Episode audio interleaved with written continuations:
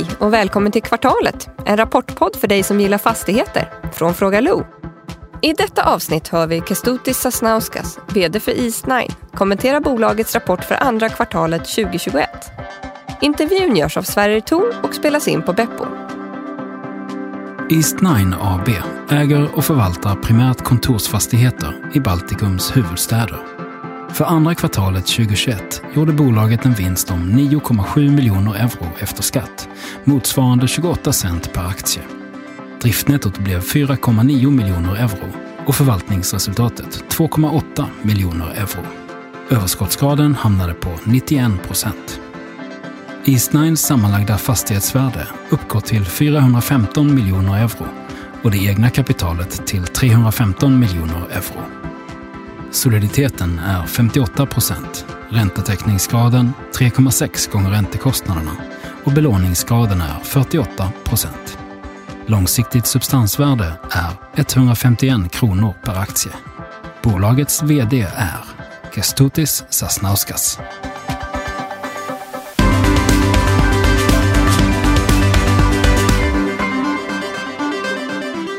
Hej Kestutis och välkommen till Kvartalet.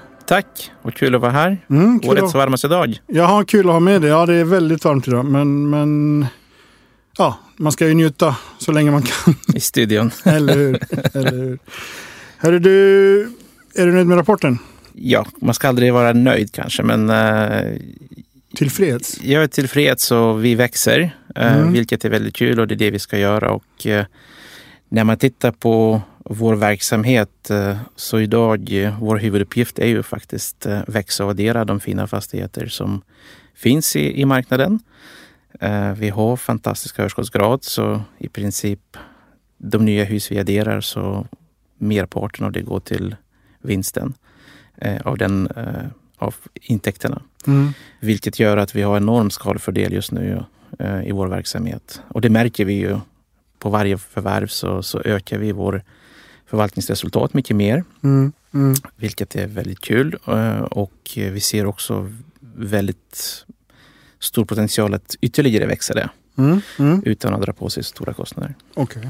Innan vi går vidare så, så tänkte jag släppa in vår vän Niklas Höglund på JLL som har gjort en liten snabbanalys.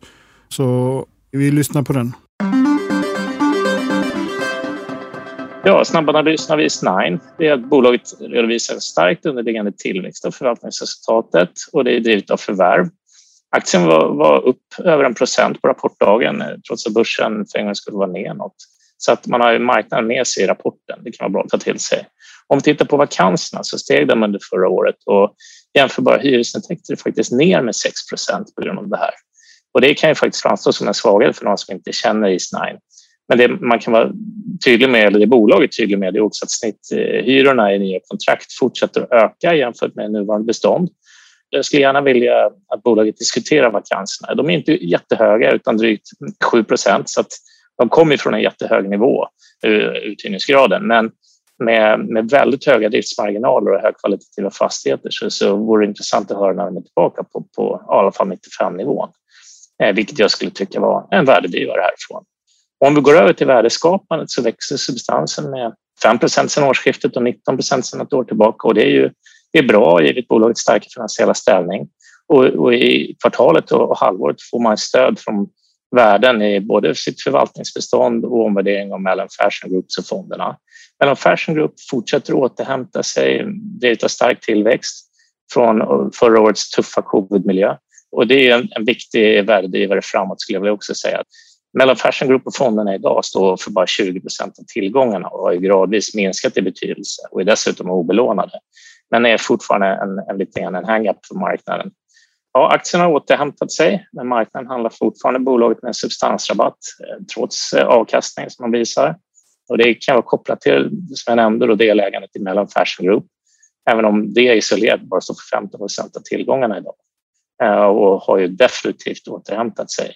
Bolaget har gjort investeringar under första halvåret, köpt fastigheter då och det har gett stöd till eh, intjäningskapaciteten med över 14 procent bara i Q2. Och det här visar ju tydligt på stordriftsfördelarna eh, och bolagets nya strategi då att, att växa med logistik kanske kan stärka tillväxten eh, ytterligare. Man breddar ju från bara kontor idag till att också vara möjligt investera i logistik. Den starka hållbarhetsprofilen, låga skuldsättningen och tillväxtpotentialen är viktiga faktorer för bolaget framåt. Och inte förglömma då att Mellon Fashion Group, vad som kommer hända med det framöver, potentialen men även riskerna. Och när jag tittar på bolaget idag så är det bäddat för en högre tillväxt och ett intressant samtal mellan Sverige och Kistutis. Så, eh, det är mycket intressanta grejer tycker jag när jag läser rapporten. Eh, vi, har, vi har ju pratat vid tidigare och, och, vi har någon gång touchat på det här med, med logistik också. Jag har för mig att vi har pratat om det någon gång och nu, nu, går ni ju liksom, nu har ni tagit ett, ett policybeslut. Att, ja. att Eastnine ska vara ett, ett både kontors och, och logistikbolag. Ja. Eh, kan inte du berätta lite mer om, om just den, den twisten? Den twisten? Nej, det är ett logiskt steg i, i vår utveckling. Mm. Eh, när vi började så ville vi fokusera bara på kontor. Eh, där vi har tagit eh, stora, största marknadsandel idag i, i Vilnius. Eh, där vi byggt upp en väldigt stor bas, eh, kompetens eh, och när vi tittar vidare på, på vår tillväxt så ser vi fortsatt väldigt spännande möjligheter inom kontor. Men vi känner också att vi ville bredda oss och delvis så ser vi att logistik rent strukturellt är väldigt spännande. Kanske lite mer utvecklat än kontoren eh, mm. på, på marknaden. Men eh, vi har också underliggande tillväxtpotential i och med att eh, e-com fortfarande är väldigt underutvecklad i Baltikum.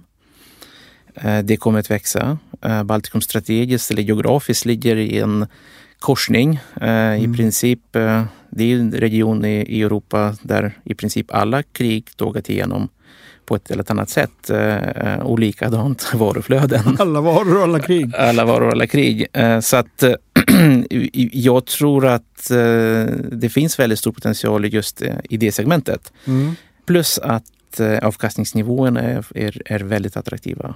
Så du har lite annorlunda kanske marknad att det är inte lika stor skillnad på hyresnivåer. Men det är väldigt stor skillnad på avkastningsnivåer. Okej, okay, okej. Okay. Vad är det för typ av logistik ni siktar in er på? Är det liksom eh, city nära last mile eller är det stora hamn? Vi sagt prime uh, och, och, och, med det menar vi absolut viktigast är location, location, location. Okay. Uh, så det är nära uh, cities. Det är moderna anläggningar. Men det kan vara, det behöver inte vara längre i och för sig i alla huvudstäder. Mm. Så att de bästa kontoren finns på absolut bästa lägen i, i, i de största städerna. Men uh, logistik inte nödvändigtvis. Så I vissa länder till exempel som uh, Litauen, där har vi huvudstaden ligger inte vid kusten till exempel. Mm. Så att vi, kan, mm. vi kan titta på, på kuststäder och, och, och, och lite mer centrala lägen. Är det Klaipeda? Som är... Klaipeda, exakt. Mm. Som är mm. Intressant. Det blir spännande att se, se vad, vad logistiksatsningen ger. Det, det, är ju ganska, det är en liten trend det där med, med att kontorsbolag går in i logistik. Jag tänker... Det är lite diversifiering även för oss mm. uh, uh, ur, ur verksamhetssynpunkt. Det är inte så att vi tappar tron på kontoren. Uh, absolut inte. Jag, jag, är mer och mer övertygad faktiskt att kontoren kommer behövas mycket mer. och kan nästan relatera i många situationer de här diskussionerna som förts för många, många år sedan om datorer, när datorer kom, att det, det, det ryktades som att papper kommer försvinna och, och pappersindustri kommer lida och så vidare. Och det blev tvärtom. Mm. Så att eh, jag tror att kontoren kommer användas och kommer kanske på ett lite annat sätt. Vi kanske kommer jobba mycket mer flexibelt, definitivt. Eh, men de här samlingsplatserna är oerhört viktiga. Eh, och det ser vi faktiskt när vi pratar med våra hyresgäster, mm. hur viktigt det är. Eh, sen när det gäller logistik så, så ser vi också lite annat segment. Eh, vi ser fortfarande att vi kan öka vår lönsamhet med den och vi drar ner risken i och med att vi exponerar oss mot andra segment. Vi just nu är ganska tunga i finans. Vi är tunga i shared service, eh, typ av tjänster. Mm. Men det är liksom ändå globala tjänster. Men, men logistik ger oss lite annan segment genom växande trender. Liksom att vi får exponera oss mer mot handel men, men med mm. handel där mm. vi tror uh, de här fastigheterna kommer behövas.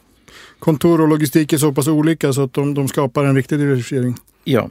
Mm, men uh, du ägnar ju lite tid åt, åt uthyrningen i, i, i rapporten också. Och Nettouthyrningen var ju negativ nu. Ni förlorade Danske där. Ja, det är väldigt svårt att öka nettouthyrning eh, när du har 97 procents uthyrningsgrad i, i en stad. Med, med, med en förändring i en större kontrakt. Mm. Eh, när det gäller Danskes kontrakt så är det eh, faktiskt ett eh, planerat utflytt. Mm. Eh, vi hade en kortare eh, lösning för dem ehm, innan de flyttade till S7-komplexet. Eh, så det är för att möjliggöra den, den flytten. Och den blev lite längre än vad vi själva trodde och danska trodde. Så att vi håller på att hyra ut de här lokalerna. Marknaden är väldigt stark. Vilnius take-up eh, har varit eh, 30 000 under Q1. Fram tills idag, take-up ligger på 60 000 kvadrat. Okej. Och det ska jämföras med en marknad på närmare en miljon kvadratmeter totalt. Eh, Så vi tror att det kommer nå 100 000 i, i år, kanske lite till. Okej. Eh, Och det är 10 procent under covid-år inom kontor. eh, tycker jag är ganska bra. Mm. Det ska jämföras med kanske om Fabege skulle hyra ut 60 000 kvadrat. Ja, Så det, Skulle ge eko som det heter. ja, Men eh, så det här är liksom, det är inte så att ni tappar Danske som kund utan de flyttar till S7? absolut inte. Vi, det är vår största relation som, som kvarstår. Och det är planerat av flit eh, eh, så att de, är, de koncentrerar sin verksamhet kring S7-komplexet. så att säga. Mm. Och jag noterar, ni, ni köpte en fastighet i, i Vilnius också. Där jag noterar på, på fasaden att där står det Danske Bank. Ja, det är Danske Bank också. Eh, Så att det är en liten nettoökning egentligen av Danskes eh, Okej. Relation. Mm. Ni köpte en annan kåk också i, i, i Riga och jag, jag, jag tänker vi ska komma lite mer in på Riga lite sen för det, verkar vara en spännande saker som händer där. Men jag vill bara ta med det här medskicket från, från Niklas om, om, Mm. om uthyrningen. Att, att ni har ju en, en vakansgrad på, på 7 procent ungefär. Ja. Han vill gärna säga att de ligger på 5. Hur, hur, hur gör ni då? Eh, Det gör vi genom att hyra ut i Riga. Mm. Eh, Vilnius har vi 97 procents uthyrningsgrad, 97,4 eh, nu fram innan danska eh, Okej. så att säga kommer lämna. Så Vilnius är, är väldigt, Vilnius går inte nästan att, det är bara vissa omflyttningsvakanser egentligen och vi har inte ens kunnat delta i större upphandlingar Mm. i och med att vi hade ingenting att erbjuda. Um, Riga är uh, annorlunda. I Riga har vi större vakans. Eh, det är större vakans i marknaden generellt. Eh, det har tillkommit lite projekt precis under covid-tiden. Mm. Eh, och marknaden har varit, uthyrningsmarknaden generellt har varit lite trögare under covid-tiden. Men merparten av vår vakans är faktiskt, vad ska jag kalla, självförvållat. Okej. Vi har, vi har delvis tomställt lite fastigheter i förberedelse för utveckling av The Pine. Mm. eh, Mm. Som, som vi förväntar oss bygglov inom ett par, ja, en månad nu. Och eh, i samband med det också har vi planerat eh, att vissa kontrakt skulle löpa ut till byggstart, som var planerat egentligen redan nu. Okej, Så det är lite fördröjning med, med bygglovsprocessen. Mm.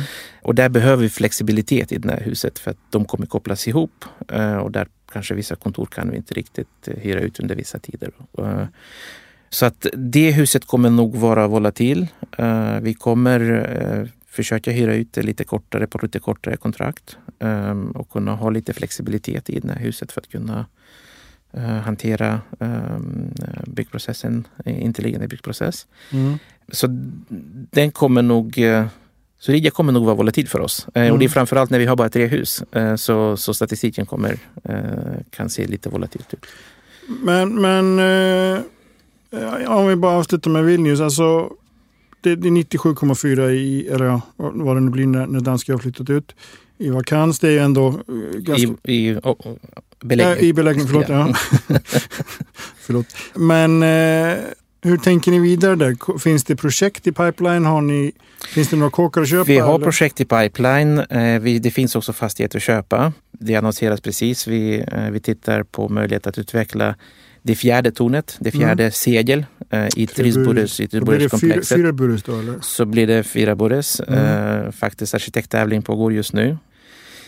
Eh, så att vi har, eh, vi har två spännande förslag att ta ställning till. Mm. Och där potentiellt kan vi utveckla ytterligare 10 000 kvadratkontor. Och det finns också förvärvsobjekt. Så att eh, det finns eh, tillväxtpotential i Vilnius definitivt. Mm.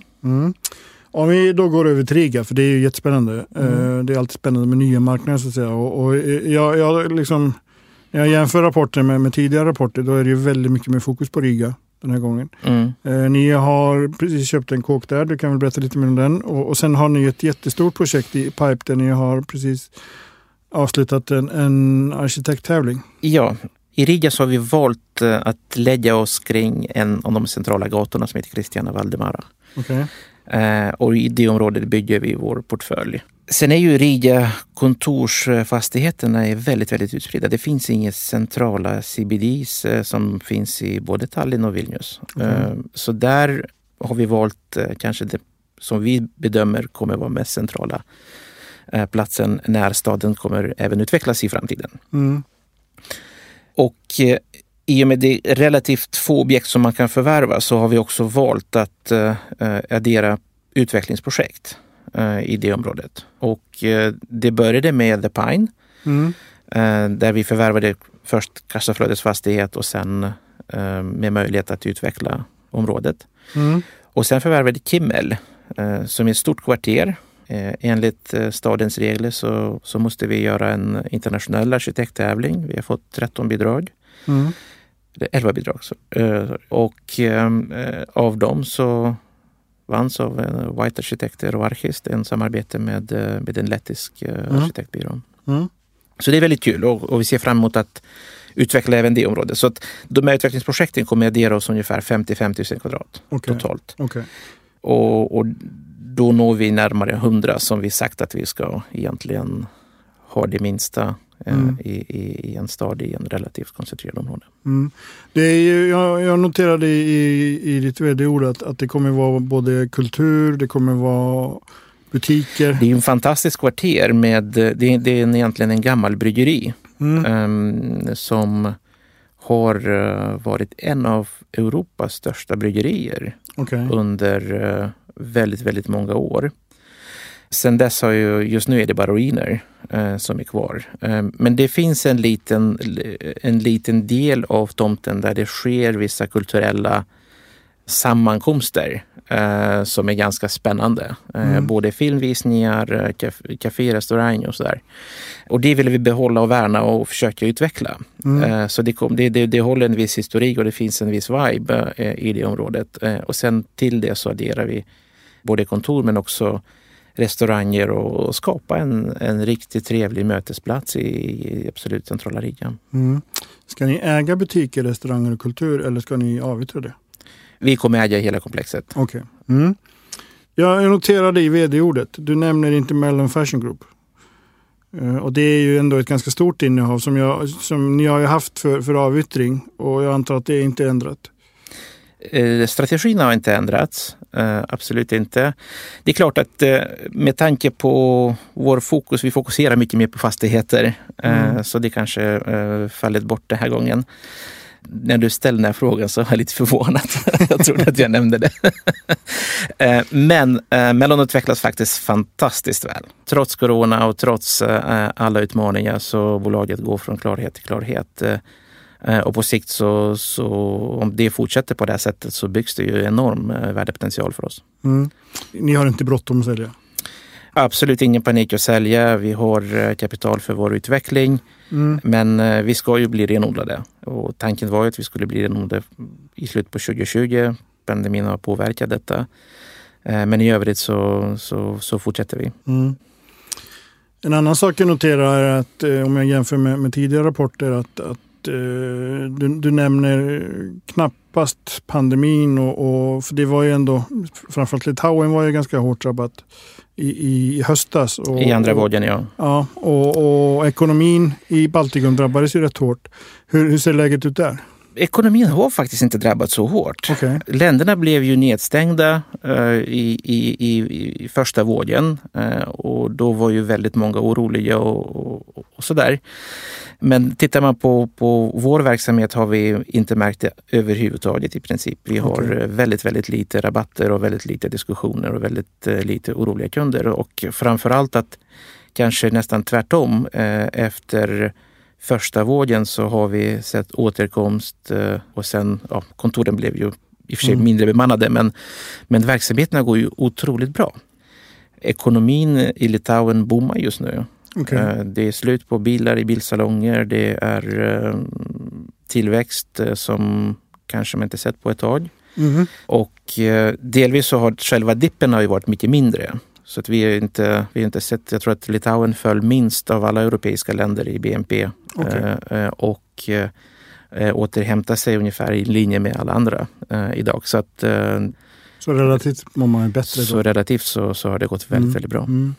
Eh, Vi har två frågor kvar, eller tre frågor kvar och bara ett par minuter så vi får skynda på här lite. Okej. Finansieringen, ni har släppt er, eller emitterat er första obligation. Den är Ja. grön. Ni har Ja. en ganska stark hållbarhetsprofil. Ja, Allting, alla obligationer kommer att vara gröna antar jag? det är tanken.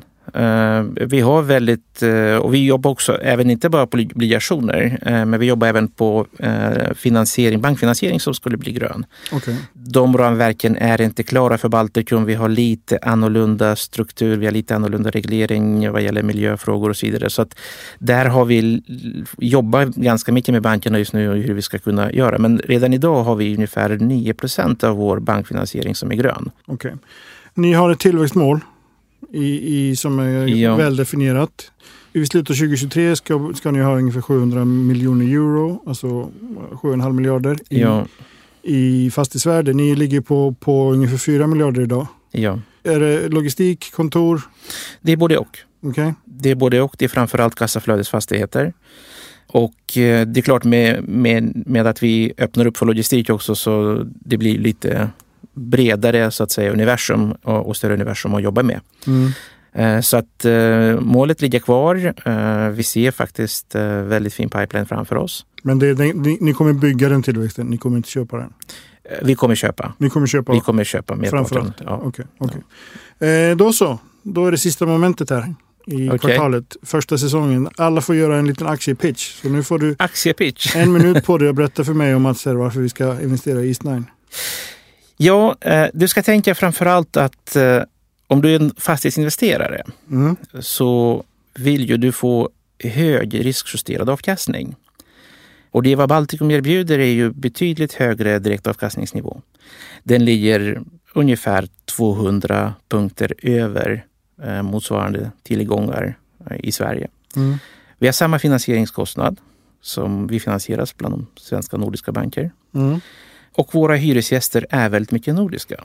Det är nordiska banker, det är eh, nordiska IT-bolag, det är IT-bolag som levererar globalt.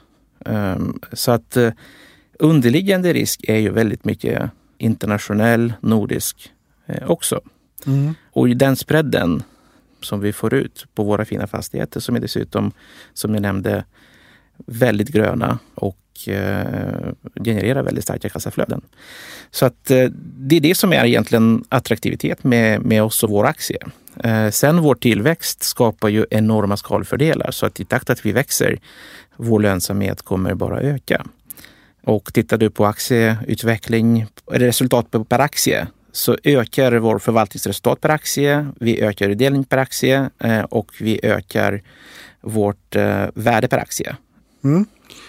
Bra, Eh, men det, det låter som att det finns eh, arbitrage att göra. Bara i, i att du, du får högre avkastning på svenska pengar så att säga. Absolut, och, och, samma, och, och samma risknivå. Precis. Mm. Toppen. Tack Kestutis. Tack! Och tack för att ni har lyssnat.